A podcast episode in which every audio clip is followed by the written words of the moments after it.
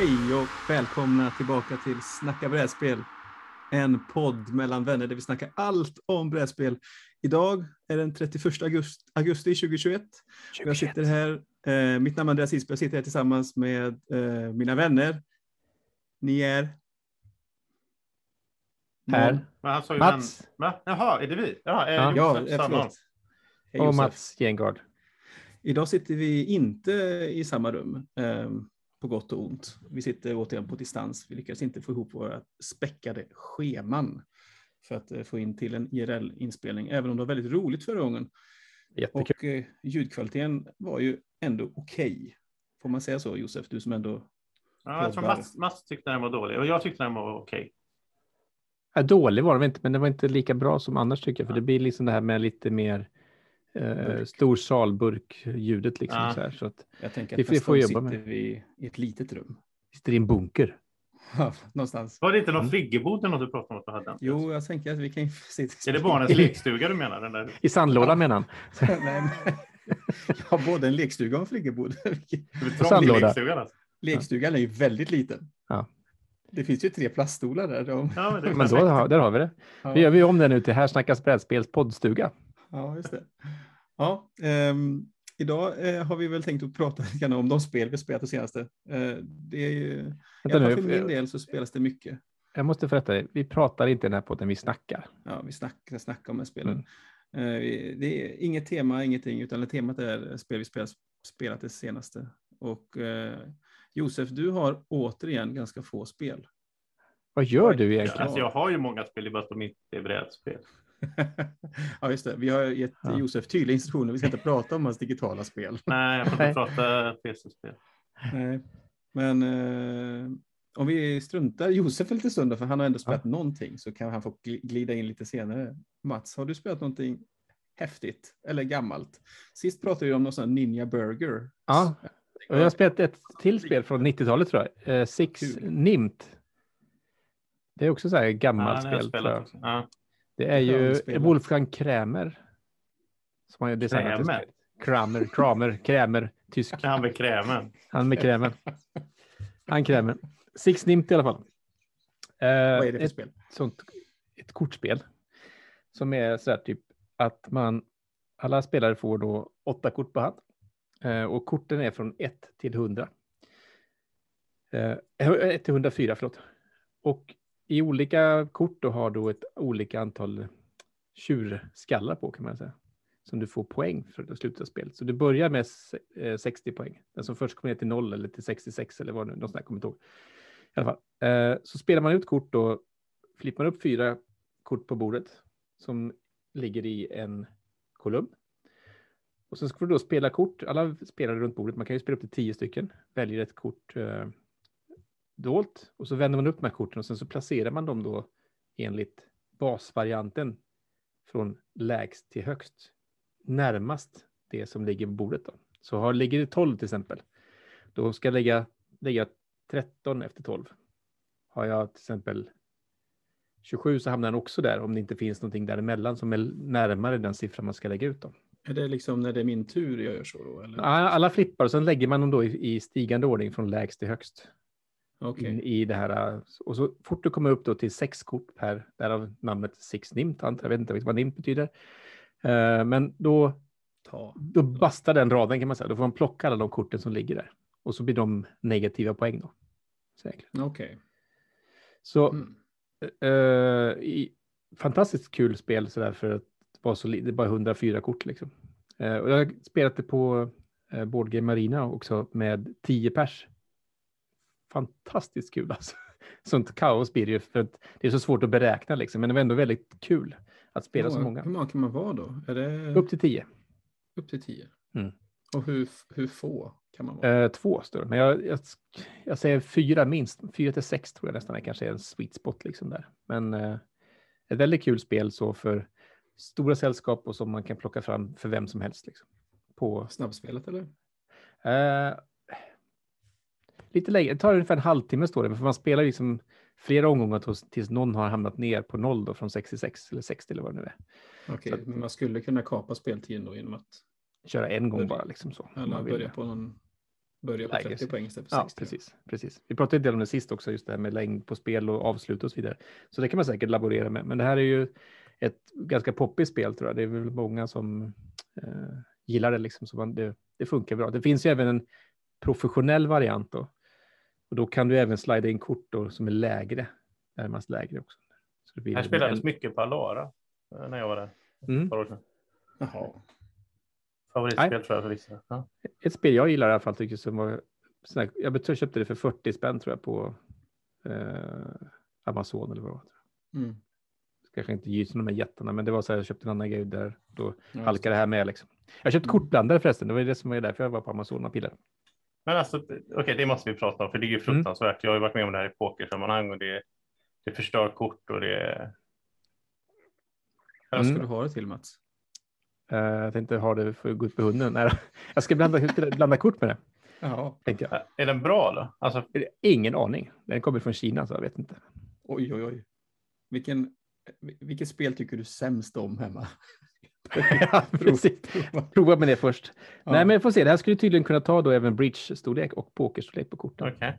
Så att, Jag vet ju alltså, Oerhört tveksam. jag är väldigt, Ja. jag vet jag har varit mycket på kasino och då, eh, alltså de har ju, jag vet inte, de- deras apparater måste ju vara proffs. Det måste ju vara de liksom bästa på marknaden, tänker man i alla fall. mm, Men de, där är det ju standard att någon gång under pokerkvällen så sitter bilen och bara oj, nu var det ett kort som var söndertrasat här. Ja, slänger vi den, drar en ny kortlek och så spelar man. Funkar inte riktigt om man spelar ett brädspel. Att man bara, jaha, nu gick det här kortet sönder här. Nej, jag kommer att prova på eh, några gamla brädspel där man kanske inte är lika rädd för att se hur det funkar innan man kör det på kanske de man spelar ofta. Liksom. Släng in inte- Terraforming Mars bara direkt. Nej, inte direkt. Terraforming Mars. Eh, eller är det något spel man skulle kunna bränna sönder så är det Terraforming Mars, för det spelar man så ofta, så där kan man väl köpa ett nytt då, och då utan att det fortfarande känns dåligt. Liksom. Det är väl det spel som får mest timmar till investerad krona skulle jag säga. Ja, Jag hörde en bra, på tal om det, jag är en kul association. Jag hörde en bra argument. Vi pratade lägga sig häromdagen. Lite folk jag pratade med.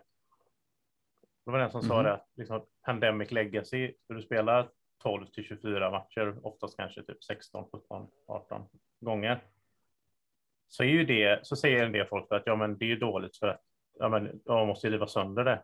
Men han, hans, hans poäng var att det är det spel som har fått mest spelad tid för de pengarna.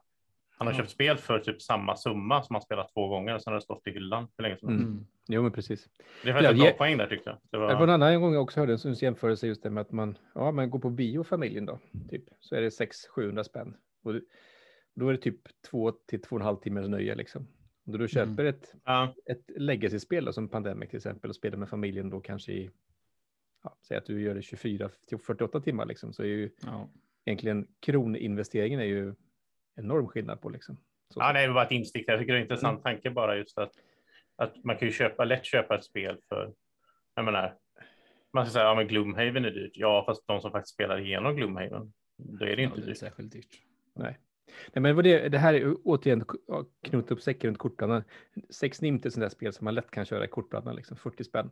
Fine, då får vi gå och köpa ett nytt då kanske för 100 spänn, men det tycker jag fortfarande i så fall att det är okej. Om det är så. Ja, jag väntar med spänning på att höra längre fram hur det går med Vi vill här ha en eh, recension. Ja. Det kommer att komma en recension här, jag lovar. Höra hur många brädspel du har förstört. Ja, precis. Ja. Ja, Andreas, då, du, vi har ju spelat en del tillsammans här också. Ska vi ta, Ja, plocka någonting. ja, Vad vill du prata om? vi kan väl prata om citrus. Citrus. Ja, det har även Josef spelat tidigare.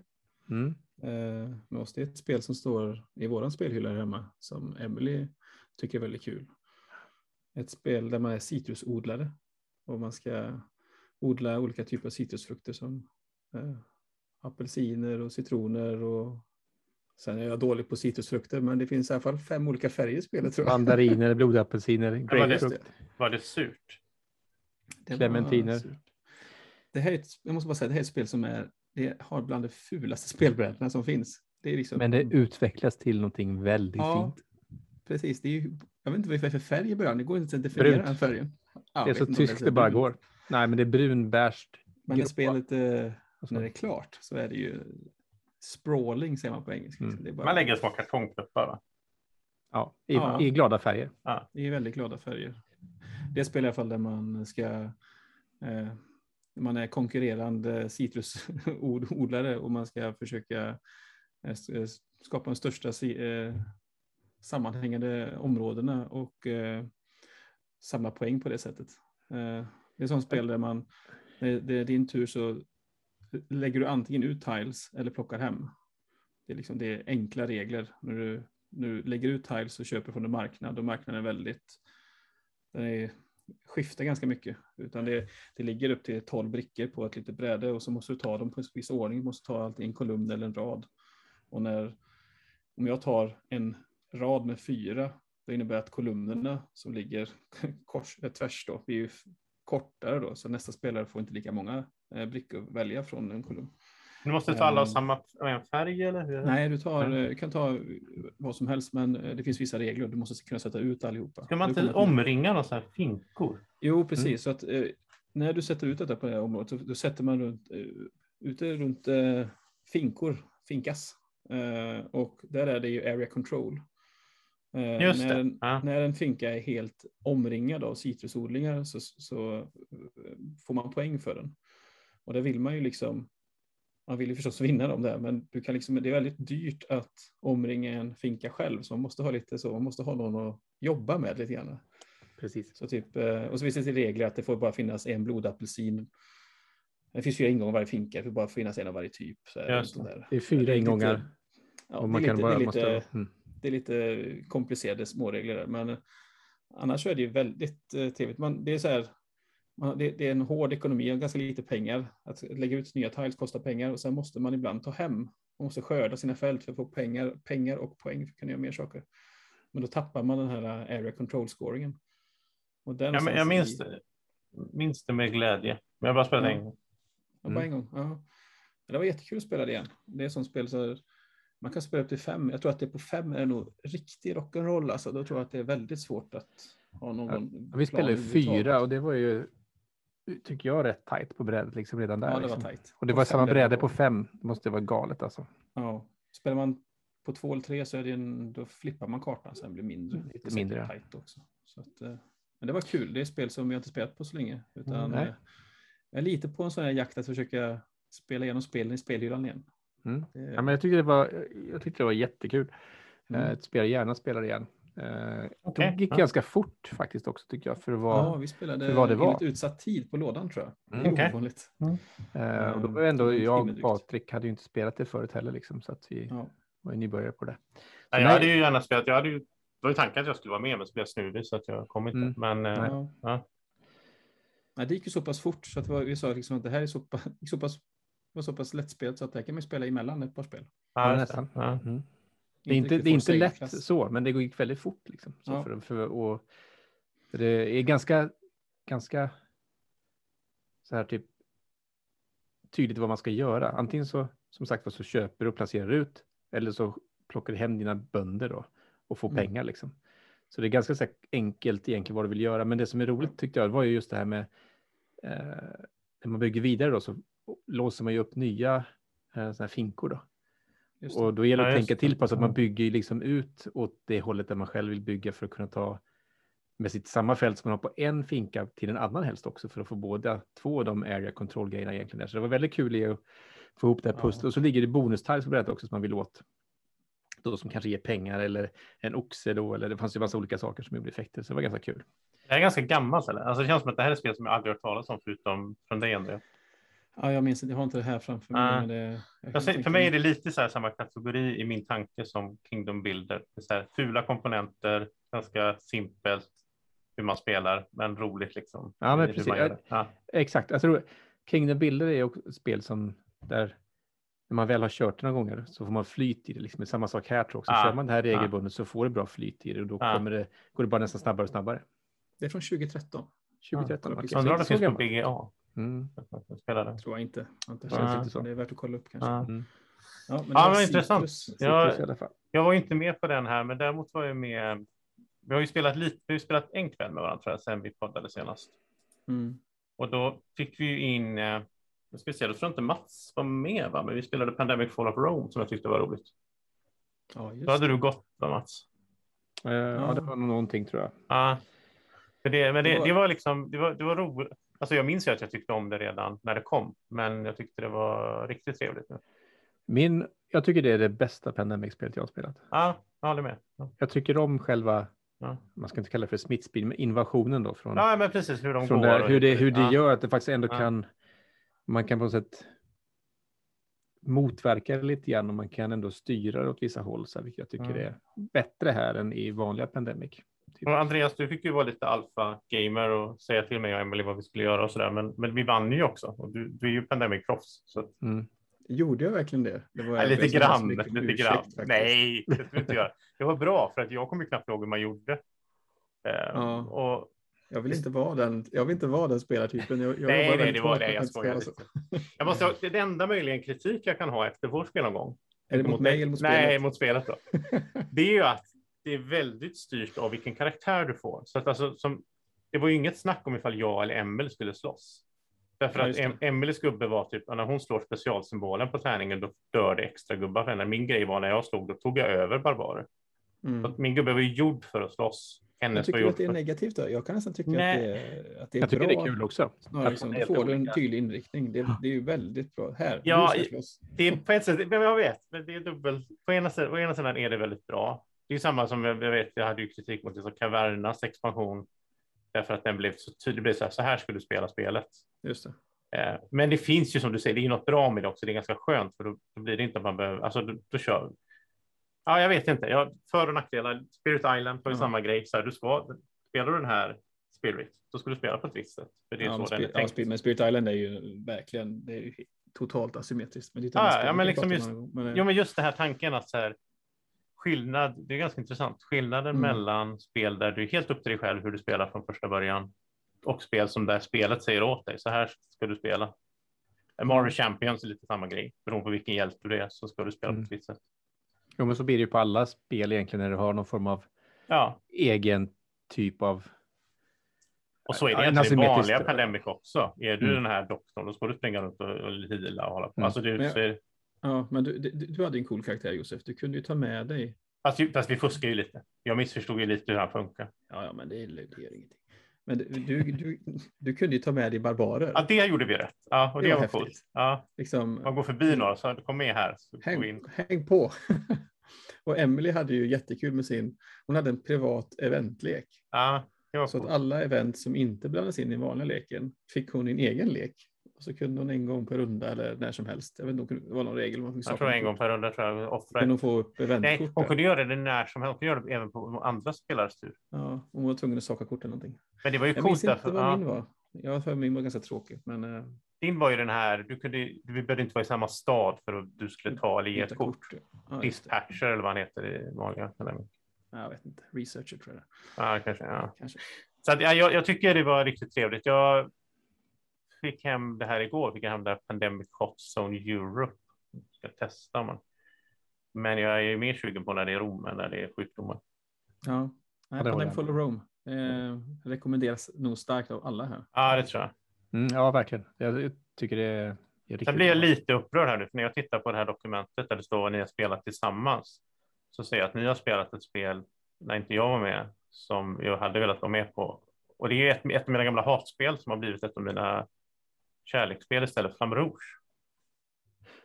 I, äh, vänta nu, en gång till. Gilla, Jag jag, brukar- förstår, jag förstår inte om du gillade eller inte gillade. jag brukar ju hata Flamme Rouge. Nej, Jag vill inte hata, men jag brukar inte vara så det tänd ett på det. ord. Men, men nu har jag blivit supertänd på Flamme Rouge. Jag tycker det är jätteroligt alla gånger jag spelar. Ja, Ja. men du var ju inte här. Nej. Jag vet, och då tycker jag att om inte jag är där, då får ni ju spela spel, tråkiga spel. Som, Tråkiga spel. Ni får ju Ja, passa på okej. det. Typ, Typ som automobils och sådär eller? Ja. Ja, Ja, va? nu, nu blir det fel här. Ja, det här. Vi får redigera sen. nej, men vi spelade, vi, vi spelade ju Flamme Rouge. Eh, och Ja, var det Mats samma kväll Citrus? Ja, jag tror det. Mats Ja. eh, lottade ju en karta, och, Ja. eh, eller en sån eh, trackcaster, jag vet inte, en bana. Och det blev en platt bana. Okej. Och hon säger, då, då är det, det är ju gasen Inga i backar? botten. Nej, inga, inga backar, ingenting. Okej, ja. Men vi hade väder och vädret var med Ja. oss. Det var bara Det var bara sidvind. ett, det var precis, ett ställe var det lite vind på. Som, Så alltså, det var ju så här lite annorlunda då. Ehm, Ja. är- alltså, i, I Flamro så styr man ju ett stall med åkare. Man har ju två, två åkare i varje stall. Stall? Heter det Ja, det. Cykelstall kallas det. Ja. Nu ska du få lära dig ett och annat här. Jag tror att det kallas så, hoppas jag inte så fel nu. Men då har man i alla fall en, vi kallar det för en rollör och en eh, sprinter, va? tror jag. Mm. Och de har varsin liten kortlek eh, och sprinten har ju väldigt höga kort, eh, höga siffror i sin, medan rollören är mer jämn. Och så gäller det att få fram en av åkarna först över mållinjen. Så att du kan ju offra en för att få andra ska komma långt fram.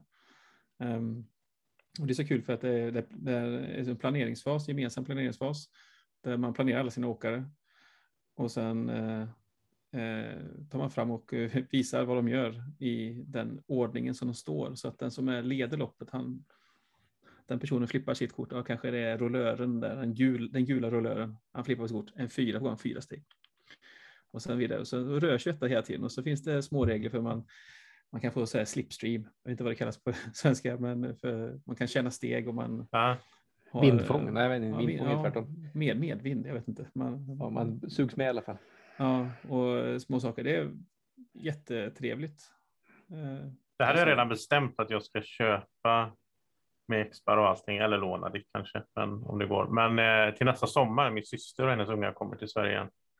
Det Ja. tänkte jag på när vi satt och spelade, och vi pratade om det i förra podden, satt och spelade Diamant och sådär, så tänkte jag på det att det hade varit kul med ett racingspel. Alltså du tänk, det blir väldigt skön stämning i racingspel, att man liksom alla hejar och, och man vill komma in liksom sista och så. Ja, för jag tänkte på Downforce, men jag tycker Flam Rouge är mycket bättre spel än Downforce. Downforce är ju bilar och så vidare. Jag tycker ju att flam, det som är bra med Flam Rouge är ju liksom det här att du tunnar ut din lek så du, det är en balans mellan att vilja spela snabbt Ja, början eller, och Ja. sen så försöker jag då snika så mycket som möjligt med att få hamna med i slipstreamen där. Ja, Och sen även då att eh, det man, jag sitter, väntar på, det skulle ju tydligen komma, vi pratade lite grann om det här med att man ska komma någon form, man kan köra någon form av tour då. Ja, just det, kampanj. Ja, det är Eh, tänkte flera lopp och där man får man med sig sådana här eh, negativa kort och Ah. det här, man får ju, när man ligger och fångar vindfång så blir det ju uttröttad och får lobba in såna här, ja, två kort, eller vad är det? Ja, två det låter roligt. Ja. Och de ligger vissa av de här procenten kvar då till nästa lopp. Så här, så. Ja, just det. att det blir liksom sämre, tröttare redan från början i nästa lopp och sådana saker. Så det, det ser vi fram emot. Det tycker jag är kul om man kan bygga det så. Ja, Eh, att man får en... det här vill jag spela nästa gång vi ses. Ja, det- alltså, den här, det, kommer ju det finns ju två expansioner som är, det är inga plåsterexpansion- ex- plåsterexpansioner utan det är, det är, så här, det är gött Det att är ha. götta bara. Ja, Ja, men det är väder Mm. och det är... Vädret liksom, det är Ja. så här, men det, okay, första expansionen kanske är bra, för den, den, den tillför lite nya terrängtyper, lite Mm. smalare ställen. och Så här, och, men eh, den expansion som kommer nu i år då heter ju Grand Tour. Och eh, vi pratade om det Mats, vi kollade upp det. Vi började prata om det här, vad vore kul att spela. Och så står det faktiskt lite information här nu på B. Jaha, på oj, vad roligt. Så jag ska bara, jag ska inte läsa allt, men det står i alla fall att de inför multi-stage campaigns. Står det. Okej, mm, det. Allt ifrån korta tre lopp med bara, eller torer med tre lopp upp till full stage, full 21 stage, 21 lopp. jag tänker liksom, det är typ ett helårsprojekt tänker jag Ja. här och spela liksom Flamme Rouge Grand Tour Varannan i vecka. Snacka brädspel. Nej, men liksom, Ja, kanske vi ska ha snacka Ja. brädspel- brädspels eh, Flam Rouge ja, Grand Tour. Alltså världens bästa racingspel. Jag beställer t-shirt och posters och kepsar så länge så kan vi. Automobiles har ju också det nu. Eh, någon sån Nu ska vi inte prata om sådana här skräpgrejer här i den här podden. Det här är en kvalitetspodd Josef. Det är världens bästa racingspel, men Flam Rouge är ju världens andra bästa racingspel. Så att, Nej, det finns allt andra få bra racingspel här. Mats har egna men Ja, jag har egna racingspel. Mm. gick det med engine building? Du höll på med. Mm. Ja, det, det Ja, gick ju. men det Det, var- funkar ju. Jag fick Ja. jag skickade till en, en, pub, en Ja, just det. tillverkare. Jag fick ju tyvärr nej då. Ja. Så att, eh, Ja, får vi se. det får vi se. Ja, har du spelat annat roligt Mats? Ja, Hålla väldigt hårt på skärmen här ser jag. ja precis. Jag tänkte faktiskt, vi, har- du har ju spelat Lost Ruins of Arnak tyckte jag, för det var ju, Jag tycker, jag tycker Andreas ska berätta vad han tyckte Ja, om det. det var så jag tycker. Vi har pratat Ja, mycket om spelet som sådant, så vi kanske inte behöver prata så mycket mer om det. Jag vill bara mer höra vad Andreas tyckte Mm. också om det i officiellt. Ja, precis. Ditt Ja. officiella statement. vill jag Mm. Jag, har inte, jag, har inte, jag, för, jag tänkte på det efteråt, jag borde ju samla mina tankar kring det här. Jag tyckte nog att eh, eh, potential, ganska rörigt, tyckte jag nog det var. Det var Helt kort tyst. summering. jag tyckte väl lite mer än typ två ord. jag tyckte det var kul. Det var kul att spela, det Mm. var det. Ehm, Det var ju första gången du spelade också. Så att, Ja. alltså, det var extremt svårt att sitta och värdera någonting överhuvudtaget när man satt med två riktiga Ja, ja. experter här förstås. Eh, jag slog ju massa sådana här coola creatures. Tyckte jag var Ja. kul. Fick ju Det massa var du duktig på, det gjorde du jättebra. Jag var Eh, jättelångt efter sen när vi skulle få poäng. Eh, så jag vet inte, jag, jag kan tänka mig att spela igen. Mm. Tror jag. Det, var, det var trevligt. Det kommer en expansion har jag hört också. Ja, Ja, asymmetri. ja men precis, det blir det ju så. Ja, Jag är bra på att gå på templet, kommer jag göra. Ja. Exakt. Ja, det, jag, jag tror verkligen att... Jo, just det, det, det är ju deckbuilding i det. Detta. Mm. Eller vad nu man använder någon form av deckbuilding. Jag tyckte den var... Den kändes... Jag vet inte, jag försökte köpa bra kort. Jose köpte alla kort. Jag var inte riktigt beredd på att man ska, det spelar ingen roll, köp alla kort bara. Alltså, du måste ha kortdrag. Om du ska ha många kort måste du ha bra Ja, kortdrag. men det känns som att det, jag insåg inte det för en halva spelet, att typ Nej. allting som finns är bättre än korten som finns Ah, ja. Ja, från början. Mm. Eh, så är det inte alla deckbuilding-spel, utan då, då vill man liksom tunna ut ibland. Så här var det ju. Jag, jag satt ju, det var nog det som var svårt. Jag gick ju bra i början, men sen så när ni fick igång era Motorerna kommer spelarkort, Mm. ja, Du kom ju faktiskt med, vi pratade ju telefon någon gång efteråt Andreas, och då, då kom du med en sån här bra insikt för mig där du sa att du, du bryr dig mycket mer om hand management än om deckbuilding. Och då insåg jag att det är ju det jag också gör, det är bara att jag kallar det deckbuilding. Vad jag menar är att man bygger och sen du menar hand management. Nej, men jag menar en mix. Ja. Jag gillar att bygga leken, men, men det, är inte, det, det räcker inte med det. Alltså det, det måste även vara det här, hur spelar man ut korten i vilken ordning och att det, att det är mening, typ hur jag hanterar handen Mm. i kombination med att jag bygger leken. Är det bara ren deckbuilding så är jag inte lika intresserad. Men å andra sidan så har vi spelat Dominion ihop också och det var ju svinkul. Ja, men jag eh, tycker att hand management är nog bland det roligaste jag vet i brädspel. Att eh, Jag sätta ett gäng kort och våndas över vilket, vilken ordning och vilka kort behöver man saka. Det är, Terraform Mars har ju det, att man draftar kort. Ja. Jo, men även i Terraform Mars är ju väldigt mycket att hand management, hur du spelar din hand du har just nu. Ja.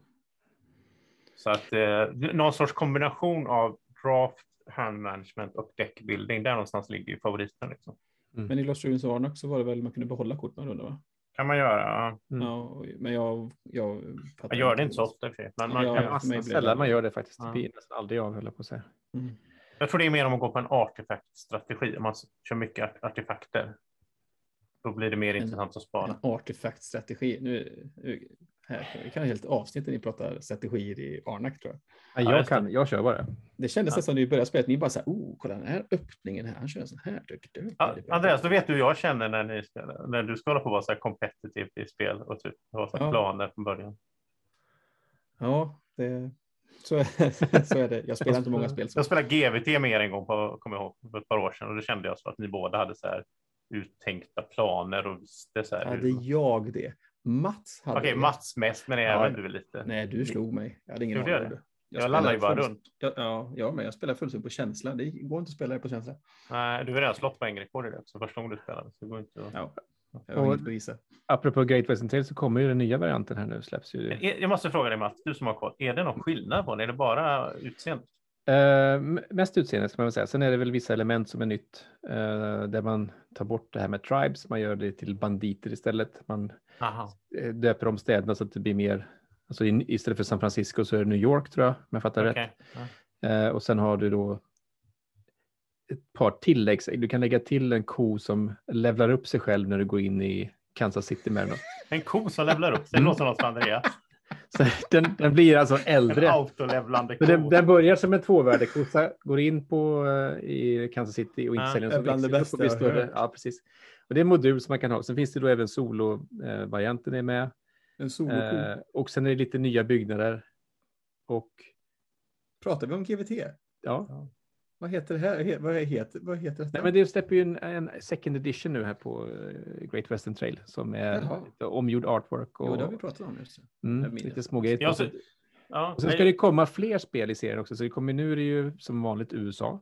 Sen ska det komma tror jag, Ah, vad- to Nya Ride Zeeland och så kommer det komma eh, även Argentina eller vad det var. Och de har på med får och sånt sätt eller? Säkerligen. Jag kan hoppas på det. Mm. Jag ser Så att- hoppet tänds i dina ögon. Där. Så, det gillar du gillar ju får mer än kor. Nej, jag vet Nej, Jag tycker inte vi har rätt ut det där riktigt. Vilket- Vilket är Andreas favorit? Det vi kanske ska... Farm Han kör, så animal. länge det är djur så farmar han ju bara. Han är så. Jag saknar ju Det- breeding i GVT. Det är kul. Du borde ju få fler kor om du har kor.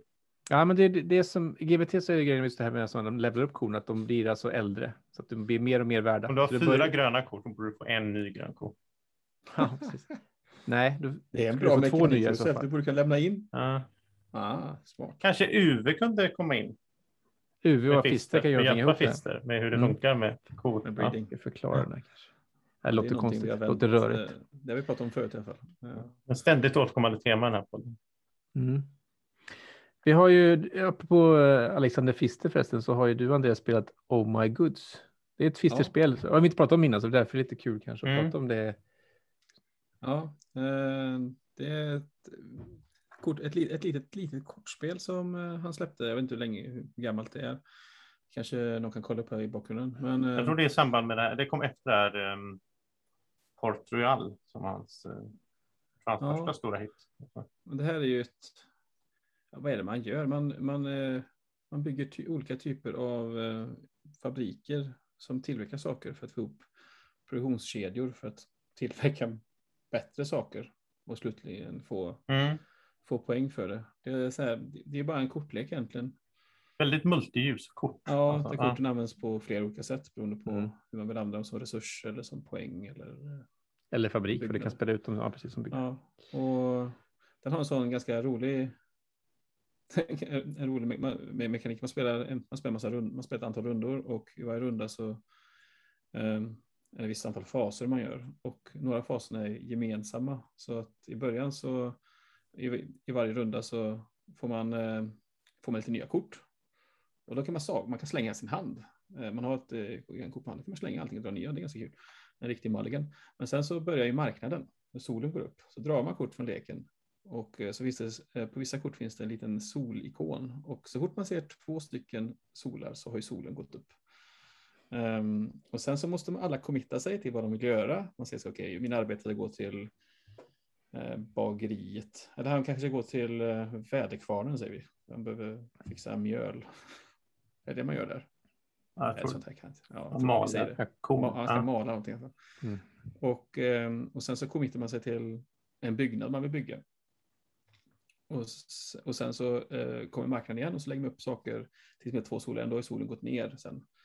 Och alla, alla resurser då som, alla kort som man lagt upp under marknaden liksom på dagen, på, på kvällen, eh, har alla tillgång till för att bygga saker och för att köra sina maskiner med. Um, jättetrevligt. Och då är det så här, man vet ju bara i snitt hälften av alla kort. Man vet ju inte alla resurser man har tillgång till. Så här, kan jag verkligen skicka min person här till eh, mitt glas? För, för, för att göra glas liksom. Det kräver mycket mer resurser där. Är lack är det. Ja. Ja, Mm. men tänk om jag lyckas starta igång den här glasfabriken och tillverka på glas. Då kan jag sälja dem för jättemycket pengar sen. Eh, Precis, för, det- för det är glas, oavsett vad du tillverkar så är det fortfarande samma kort, men du får liksom fler mynt om du säljer glas än om du tillverkar precis. glas än om du tillverkar Ja. kol och så vidare. jätte, jättetrevligt och väldigt så här. Det finns någonting väldigt eh, som jag tycker väldigt mycket om. Jag vet inte hur man ska beskriva det med det där spelet som är. Det är den här produktionskedjan. Det är lite samma sak som jag känner i typ Villagers. Eller Food Magnet för den delen också. Det enda positiva med Food Magnet. Det här när du en sak leder till en annan och på ett väldigt, du ser det framför dig. Det är väldigt liksom tillfredsställande när du ser att men jag har kol och jag har vad det nu är, olika grejer. Och då kan jag göra glas, jag kan ta kolet och göra glas. Så, alltså det här, så funkar egentligen väldigt många eurospel. Det är bara att här blir det Mm. väldigt visuellt på bordet framför dig. Du ser de här stegen tydligt. Liksom. Mm, jag håller med. Det är, det är trevligt. Det är oftast eh, det är, det svåra val man ska göra. Vilken, vilken av sina fabriker eller hus eller man, Ja. Ska man starta? Efter ett tag, i början är det ganska självspelande tycker jag. Men, men efter ett tag så börjar Ja, alla precis. Men avvika. så fort du har två eller tre byggnader ute så blir det Ja. så, "Oh, vilken ska jag välja? Och så just det, du bara kan jobba i en och så kan du ha en assistent som jobbar i en också. Men han kan inte överproducera och så vidare. Nej, och att få en assistent är inte så lätt heller. Nej, Det är först till kvarn för dem. Det har, Då tävlar man mot varandra. Men eh, oftast är det ganska dyrt att starta en fabrik. Att starta sågverket liksom, kräver Mm. en del resurser. Men väl fått igång den, då kan du putta till lite. Då är det väldigt billigt att göra mycket Ja. eh, plankor. Om man bara fått igång den. Och det är superintressant. Liksom. Där borde du spela Mats. Jag tror du skulle gilla det här. Ja, jag, jag har ju Expedition to Oh my New Dale. Som, ja, precis. Som jag väntar på. Det ska ju tydligen vara en brädspelsvariant. Inte bara Ja, det är större variant. Ja. Eh, och så finns det någon form av kampanjläge där som jag köpte för att jag skulle spela solo. Men sen så kändes det, när jag testade första gången att spela solo, kändes det mer som att det är roligare att spela tillsammans med andra. Det hade jag gärna Faktiskt. spelat. Vilket Ja. var detta sa du? Eh, Expedition to New Dale. Det, det kom ju Det är hans uppföljare. två år Alltså, sedan tror jag. Ja.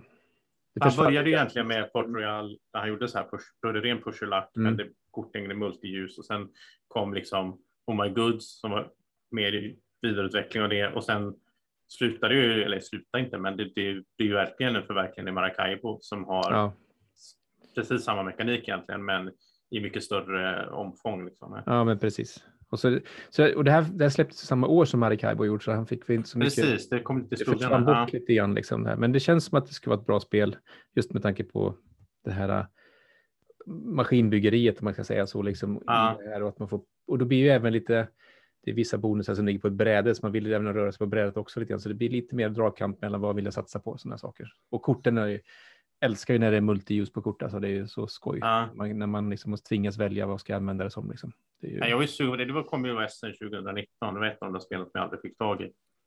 Eh, Men jag vet, då vet jag att du fick tag i det. Då var ju tanken som alltid då, som vi alltid pratade att ja, men det måste vi köra någon gång. ja, men det- precis. Och det sen har det fastnat liksom. Sen dyker det upp lite nya spel. Ja, det är en pandemi också. Det är Precis. också. Och det är också gjort så det. Men eh, jag ska bara avsluta med Oh My Goods. Ett litet spel, ganska eh, liksom, det, tar, det gick fort, fort att spela. På två personer går det på under 30 minuter, 20 minuter kanske. Mm. Ja, precis. Och det ska vi ta fram och spela igen. Emily tycker jag är kul. Eh, Mm. jag- Jag med. Vi, vi har vunnit varsin gång också. Så det är båda gott. Bra, bra. Då satsar vi kanske på att få eh, Expedition Noodle till bordet snart då kanske. Det är helt tyst. Man vågar knappt säga sånt här längre. Nej, man vet Nej, men det vågar inte så. Ja. Nej, jag, jag tar Men, ansvar eh, för mina egna spel, Mats. Jag ser ett litet tema på den här listan också. Båda ni två, på olika håll, så har ni spelat olika Ticket to Ride-spel.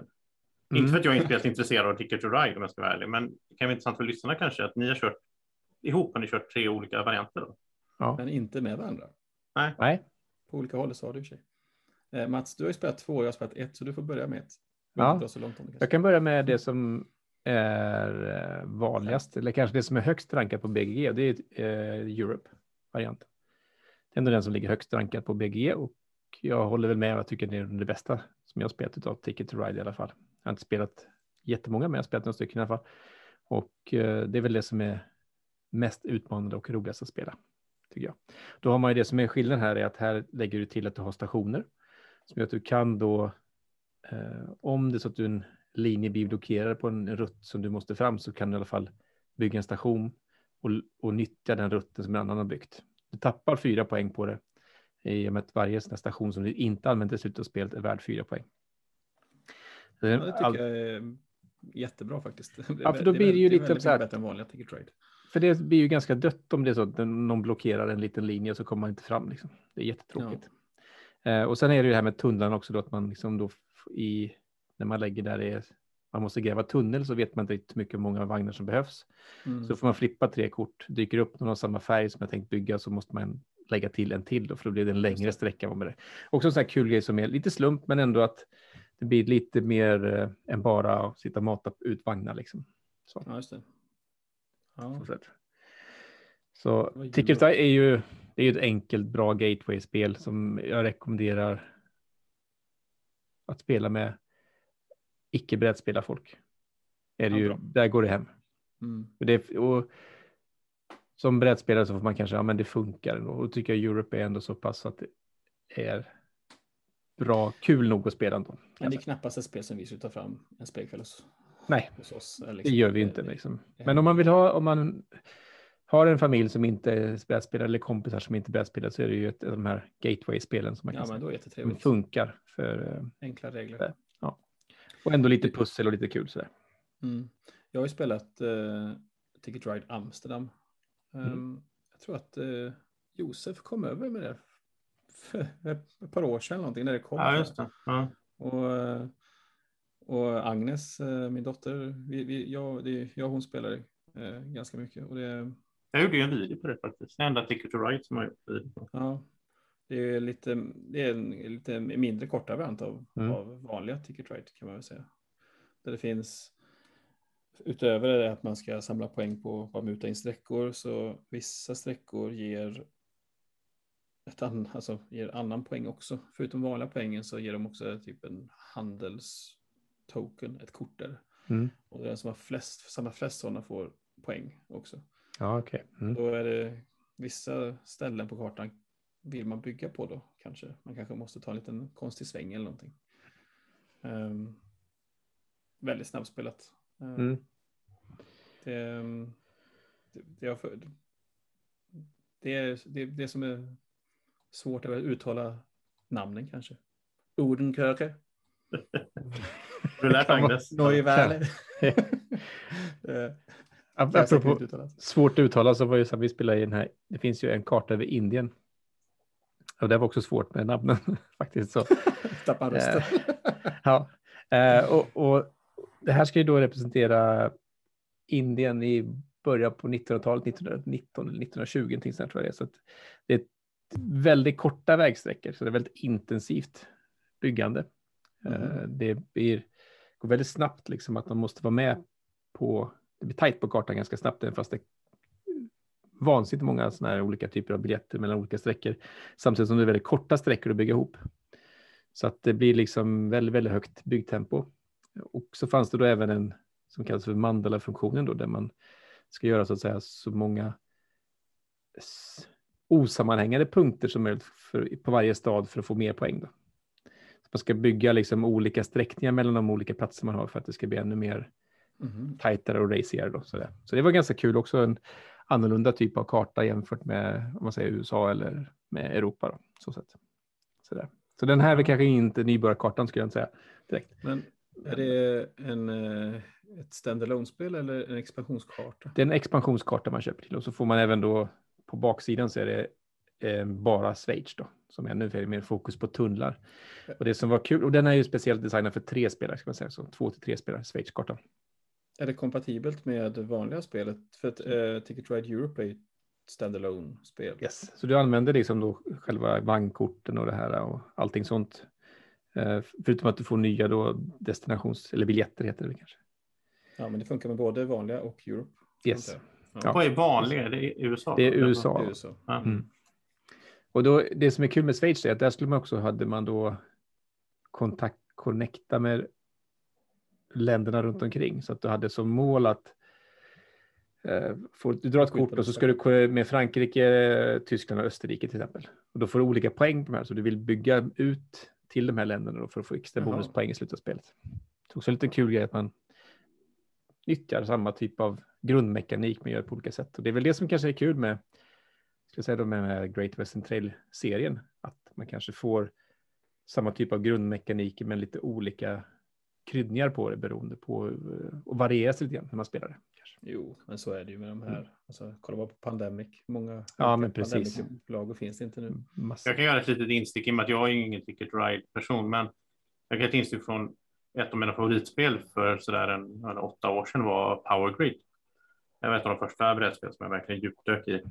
Eh, och där kommer jag ihåg att jag hade kartor till det då som var till exempel Kina och då kom alla kraftverk ut i i bestämd ordning för att det var planekonomi. Mm. Eh, och det fanns även Brasilien och alltså det var väldigt tematiska de här olika och kartorna man köpte till. Det, det är ett roligt upplägg tycker jag för ett spel man gillar. Då. Mm. Det Ja, men, just att kunna få en variation på enkelt sätt. Liksom. Mm. Och så var det sådana här dubbelsidiga Kina och Korea. Typ, så här, Mm, olika ja, precis. Ja. Ja, sen har vi ju även tillsammans spelat. Ska vi prata om den stora nu? Ja, jag tänkte ta det nu. Mm. Vi börjar väl komma upp i en det liten Som en stor suck här Mats, när du inledde segmentet. Jag tar om det från början. Du får klippa den här Josef. Ja, ta, ta, ta, ta Vi ska pra prata om den stora elefanten i rummet. Vilken Nej, är det men, då? jag tycker Ja, men det är jag tar inte det här. Jag gör Men inte nu, det. nej, men nu kommer recensionen. För det är så här, Ja. vi, vi pratade, vad kan det ha varit? Januari, Mm. februari, så var vi så här, åh, det kommer ett nytt Mars-spel från ingenstans. Vad är det för något? Ett kortspel. Sen har vi varit fram och tillbaka med hur taggade vi har varit. Och så nu har Vi vi sågade och sen så gillar vi det och så sågar vi det och så gillar vi det. Och nu Terraform ska vi... Mars Ars Expedition. Ja, precis. Men vi har inte sagt vad vi tycker om det här. för Nej, nej, vi ska spelat göra det nu. Nej, Vi kommer precis. Ja. Ja, vi har ju spelat Terraform Mars, Ares Expedition. Nej, jag stänga ner sågen här. Vi ska inte såga. Ja, nej, det behövs Ja. ingen såg. tycker Jag vet inte riktigt vart vi hamnar. Jag tror att vi är nog på olika ställen här. tror jag. Ja, Eh, Terraform Mars, Ares Expedition är ju giftermålet mellan Terraform Mars och Race for the Galaxy. Så kan Ja. man väl säga. ja, precis. Ehm, för er som har Terraform Mars har vi pratat tusentals gånger om, men Race for the Galaxy är ju ett Inte tusentals kortspel. gånger. Men, Känns som det i alla fall. Ja. Eh, Men Race for the Galaxy är ett litet kortspel där man eh, aktiverar faser. Eh, Så varje spel man i, i början av varje runda så spelar man ett faskort och så får man aktivera alla faser som väljs. Akt, eh, spelar alla. Men har du valt en speciell fas så får du en bonus igen också. Och det är coolt. Race är Mm. jättebra. Och Terraform Mars är jättebra. Hur bra kan det inte bli genom att bara, bara, bara slå ihop dem? Bam! Nu höll jag på att klappa högt här. Men, eh, hur bra blev det då? Eh, Jag tycker inte att det är särskilt bra. Men jag har bara spelat det två gånger. Jag, så, jag, det, här, det här måste jag få spela mer gånger, fler gånger. Men... Mm. eh, Om man- jag, Om man jag, gillar sådär, the Galaxy då? Kommer Ja. man gilla det här spelet då? jag, nej? Som att man inte vet vad Terraform Mars är då, eller? Nej, men alltså, jag ja, kan men du kanske inte har här. spelat Terraform Mars, men du kanske spelar Race for the Galaxy. Jag kan det. säga som så här, att, så här, att eh, i race så måste jag ha väldigt bra koll på vad ni gör. Liksom, jag måste, alltså, det, stor del av spelet för mig är att försöka lista ut vad ni ska göra. Är det någon som ska bygga en settlement eller en development eller producera eller vad det nu tänkas vara? När vi spelar Ares, det kan ju vara bara, det kan ju vara för att jag inte förstår spelet riktigt ordentligt. Men till slut så brydde jag mig inte om vad ni höll på med. Jag gjorde alltid det som jag själv behövde göra. Och det spelar nästan ingen roll vad ni gjorde. Mm. Nej, jag, Det, det är typ där jag hamnar i det. Eh, Men det kan ju vara för att jag inte spelat tillräckligt mycket. Det fanns, det fanns ett läge där som jag tyckte blev intressant under spelets gång. Då. Det var när för man kan öka sin, man kan öka med vissa kort, man öka antalet kort man får se, men även också antalet kort man får behålla när man gör research. Om du kommer upp i då att du kanske får behålla tre kort när du gör research istället för två om du initierar det. Då kan man se det som att i värsta fall så är det, som varje kort är värt tre megacredits också, så i värsta fall så får du nio mynt av det, nio megacredits. Och i det läget då på fyra spelare så insåg jag att det finns ingen, idé, ingen poäng för mig med att välja att göra produktion. För att bonusen för om jag initierar produktion är fyra megacredits. Så om jag bara hoppas att förr eller senare måste ju någon av ni er göra produktion. Så då är det bättre för mig att bara att köra research varannan gång. Typ. För att det ger mig mer, det ger mig möjlighet till bra kort, men det ger mig också pengar. Och jag, jag, tycker, jag håller inte riktigt med dig Andreas, jag tycker det fanns lite så här att jag faktiskt brydde mig om vad andra gjorde, men inte i den, in, jag håller med om att det inte är lika mycket som i race. Mm.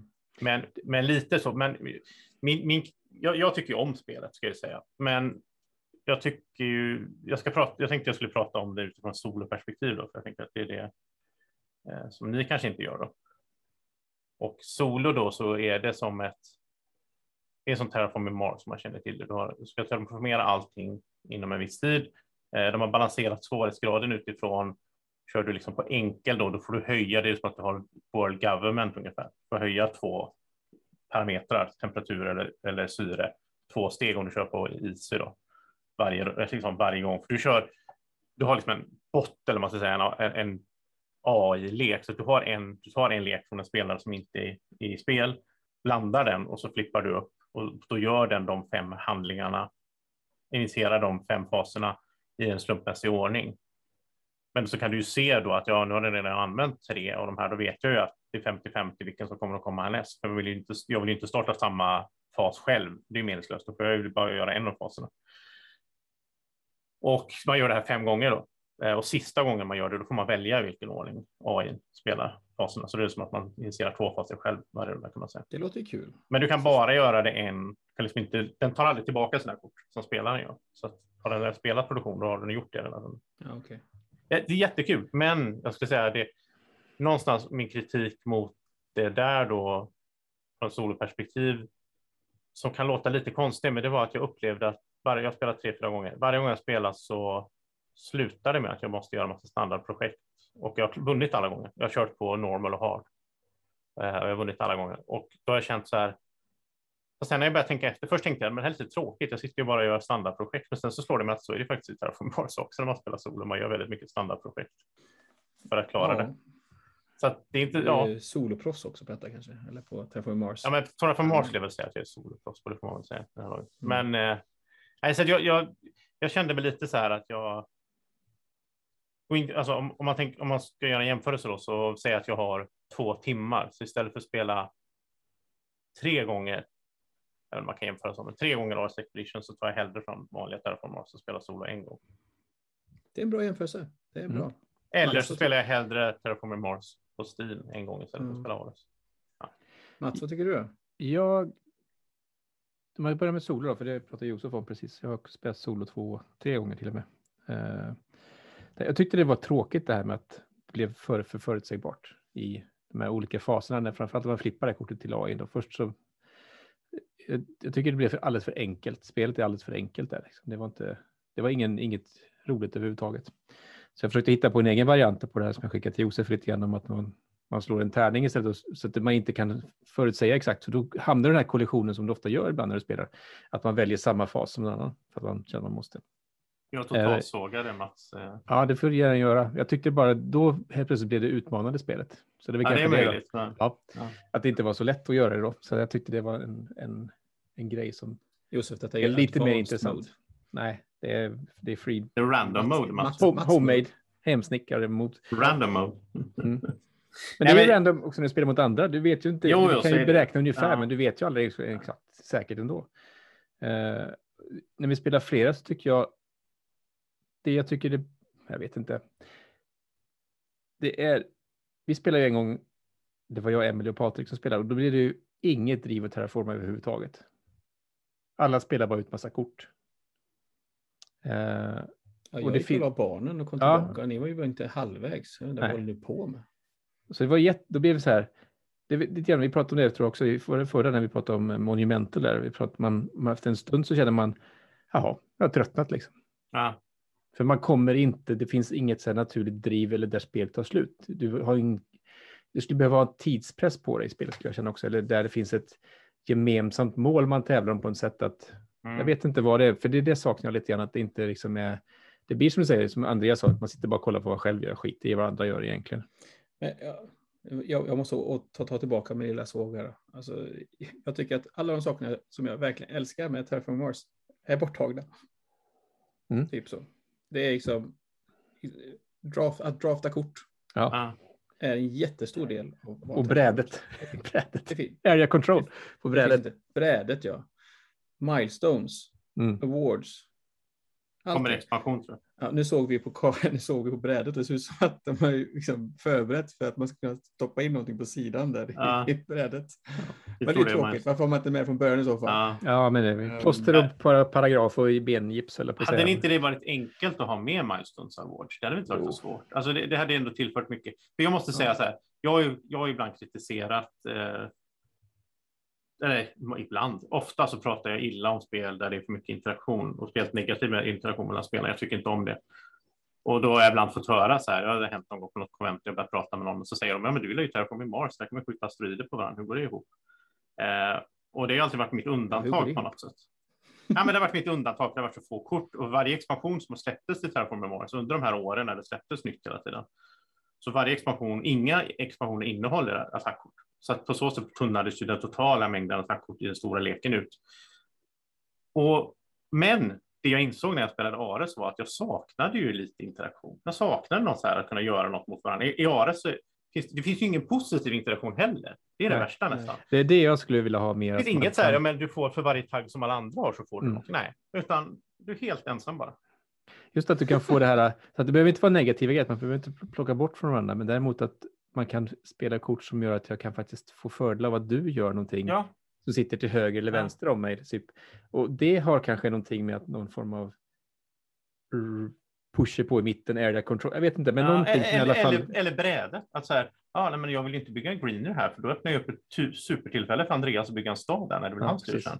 Alltså, bara de där små sakerna. Det är också en sån grej. Jag är ingen stor area control-fan normalt sett, men alltså bara en sån litet instick av det. det. Jag ser det nästan lite som när vi pratar om liksom Arnak eller Dune Imperium där det är liksom blandade mekaniker. Du blandar två bra mekaniker, och- eller tre, och då blir det ett bra spel. Och då känner jag lite, Ares är lite som, precis som Andreas säger, man har tagit bort.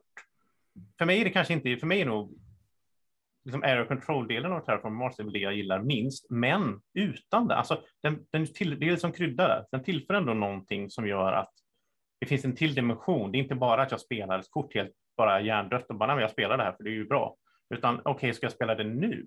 för att göra det nu, då måste jag lägga ut en stad. Det är inte bra att göra nu. Det vill jag göra senare när någon annan har lagt en greenery och så vidare och så vidare. Ja, Men det, men lite så här, du, du, du käkar liksom, du har käkat Terraforming Mars sedan 2016. Och sen kommer det en ny variant som är så här, ja, vi har tagit bort oreganon och pepparn och eh, nu är det bara nu är det köttbullar utan kryddor här. Mars Mars är borta. Mars. Men jag tänkte också på, på just med Race for the Galaxy där som, som jag har ju inte spelat det så jättemånga, jag har spelat det två gånger tror jag.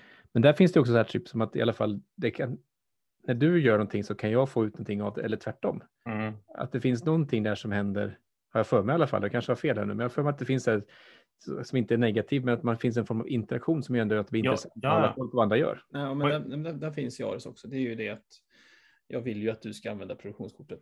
Jo, jo, men jag tänkte mer på kort som Ja, spelar ut. alltså, liksom. effekter, eller som min, min favorit Mm. av de här spelen, det finns ju en hel serie med spel, eh, som jag alltid glömmer bort vad det heter, fast det är min favorit, det som är brädspelet av Race for the Galaxy. Vad heter det nu igen? Det här har vi pratat om innan, så kommer inte Mm. ihåg vad det heter. Roll for the Galaxy. Nej, det som är Nej. ett bräde med stora såna här New. Frontier. New Frontier heter det, ja.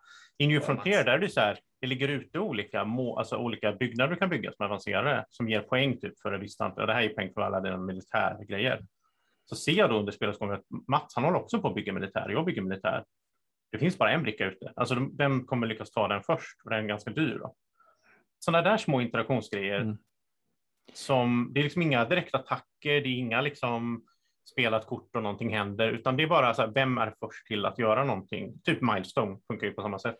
Eh, och Jag kom på en sak här också, enkel grej som jag tycker där i Terraforming, eller vad heter det, Terniforming, the Dice Game då, att det fanns en, en marknad med kort. Vi skrattar bara. Ja, eh, Turning Forming Mars. Det bästa namnet. att, att det fanns en marknad med kort som man kunde plocka därifrån också. Så man Ja, men precis. Det är liksom- också lite så här, ja, Andreas har fyra plantor och whatever. Han kanske Precis. tar den innan mig. Ja. Precis.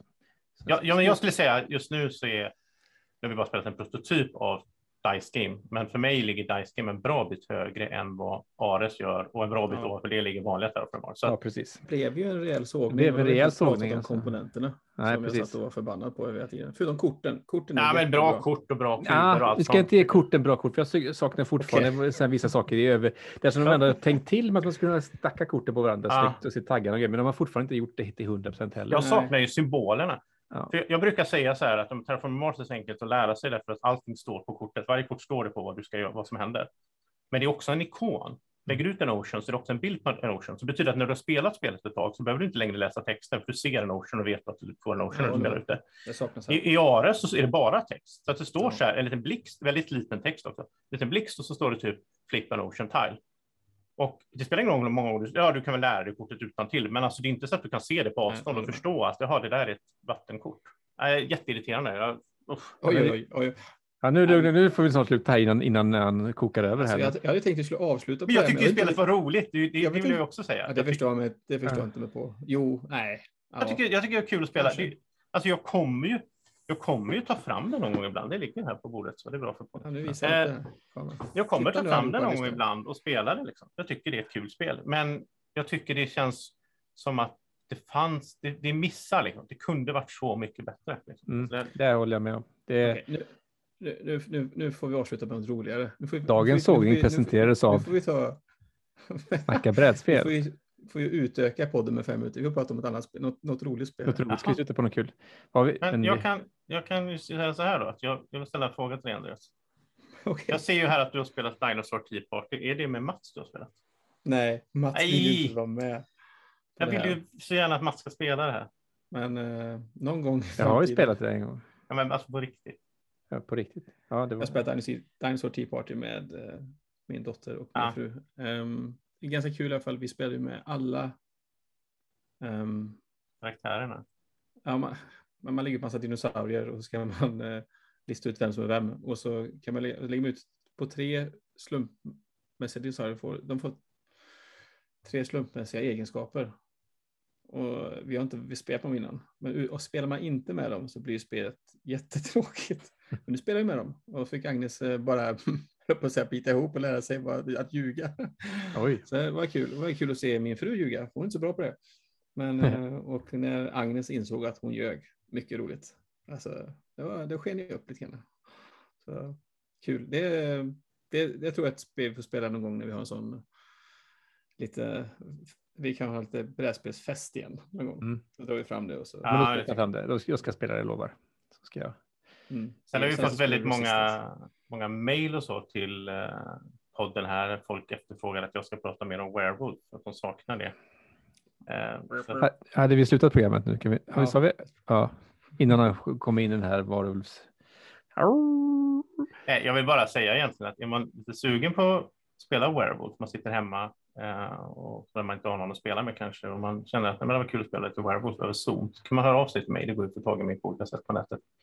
För vi kör väldigt mycket Werewolf på engelska, då ska sägas, men, men vi har extremt roligt den här gruppen jag spelar och det är ju ett år nu som vi har spelat ihop och vi bara fortsätter. Så att, Ja, det Väldigt verkar, det verkar vara riktigt skönt gäng där. Nerds.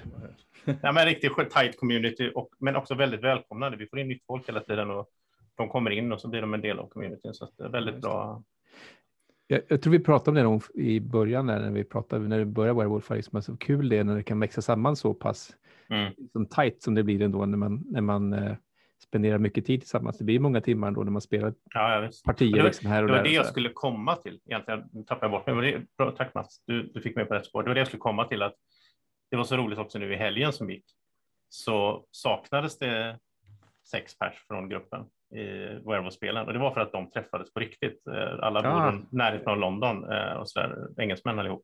Så de hade, möts, de hade en sån två dagars möttes upp liksom. Det Eh, var Werewolf. spela brä- nej, de spelade bara brädspel, liksom. spela sajt, allt bilder. Och, Ja. Eh, och de hade ju aldrig träffats innan. Liksom. Eh, Ja, Ja, det tycker jag är väldigt sånt där är roligt. kul. Ja. Det är grymt att man kan träffas Sverige, och- men, ja. Nej, men så där, det det är ju superkul när man kan få till sådär att få, få vänner liksom som Ja, man träffar fysiskt ja. och hänger med och spelar spel. Kanske så just om alla då hänger i närheten av någon samma stad så är det grymt. Och det kändes väldigt sådär konstigt för mig då att se alla sex stycken på bild samtidigt. Eh, och som jag kommenterade där så att jag visste inte att de hade ben. Det var ju nytt för mig. Nej, precis. De flesta människor har ben, Josef. Det är Aha. Ja. Mm. inte bara på film de har det. Ja. Men nu tycker jag att vi stänger den här äh, Ja, maskburken men här. Innan vi avslutar det Mats, innan vi avslutar så, så ska vi prata om det vi pratade om innan. Mats, kommer du ihåg vad vi skulle utlova i slutet av avsnittet? Nej, ja, vi skulle ha någon Blank. form av topplista, va? Nej, Där vi skulle låta... bollen till Josef istället. Ja, okej. Inför nästa avsnitt. Fick jag nästa avsnitt sparken kommer precis vi... live här i... Jag kände lite så här, nu har vi snackat väldigt mycket och det är det vi ska göra den här podden, men det kan vara kul med lite riktat snack också. Så vi tänkte ha lite temaavsnitt nästa gång. Så nästa gång blir det presenteras av. Snacka brädspel. tema. Och temat och topplistan i ämnet är inte riktigt klart än, men det kommer bli någon form av tema. Och sen så kom vi också på, Andreas kom på den briljanta idén att vad sägs om Men du att kan inte ni, ge honom cred för det. Nej, nej. Nej. vad sägs om att ni som lyssnar, ni kan ju komma med förslag på teman, topplistor och så där som ni vill se i framtiden. Så Andreas, kom, vår IT-expert, han kommer lägga ut en det är väldigt avancerat att göra det, så vi behöver ha IT-expert till det. Han kommer lägga ut en Facebook Absolut. eh, sån omröstning i Här snackas brädspelgruppen på Facebook. Så kan ni gå in och rösta på vad ni vill lägga till förslag och idéer som ni vill ha. Och ni vill höra, vad tycker de här egentligen? Eller så här, vilken, vilken av alla Mats intron är egentligen bäst? Det är ju lite riskabelt att göra detta Josef. Den kommer inte få något förslag. för nej, men det är ingen. inte, om det, inte mina intron ska, då kommer ingen vara med. Så att, Nej, okej, vi kan ju ta något brädspelsrelaterat istället. ja, det tycker jag är roligare. Vi ska ju Ja, snacka okej. brädspel, vi ska inte Ja, snacka ja. intron. Det Ska vi snacka outro nu eller? Ska vi? Nu snackar vi outro. Mm. Eh, tack allihopa för att ni har lyssnat på oss snacka brädspel i Mm. en timme drygt kanske. Vet Och nu igen. Tiden rann iväg. Eh, och jättekul i alla fall. Nästa gång hoppas vi att vi kan spela in live, kanske från en lekstuga eller en friggebod. Eller sandlådan? Eller sandlådan. eh, den som lever får se. Mm. Eh, tack, Sköt om er tills för, dess. eh, tack allihopa som lyssnade. Ha det gott. Hej då. Hej då. Stort tack för att du lyssnar på oss i Snacka brädspel. En podcast av Andreas Isberg, Josef Sandholm och Mats Jengard. Musiken du hör i bakgrunden är det Malin Isberg och Sofia Svärd som skapat. Hjälp oss gärna att nå ut till fler genom att berätta om vår podcast för en vän eller två. Och slutligen, vill du komma i kontakt med oss så hittar du oss på Facebook. Hej då!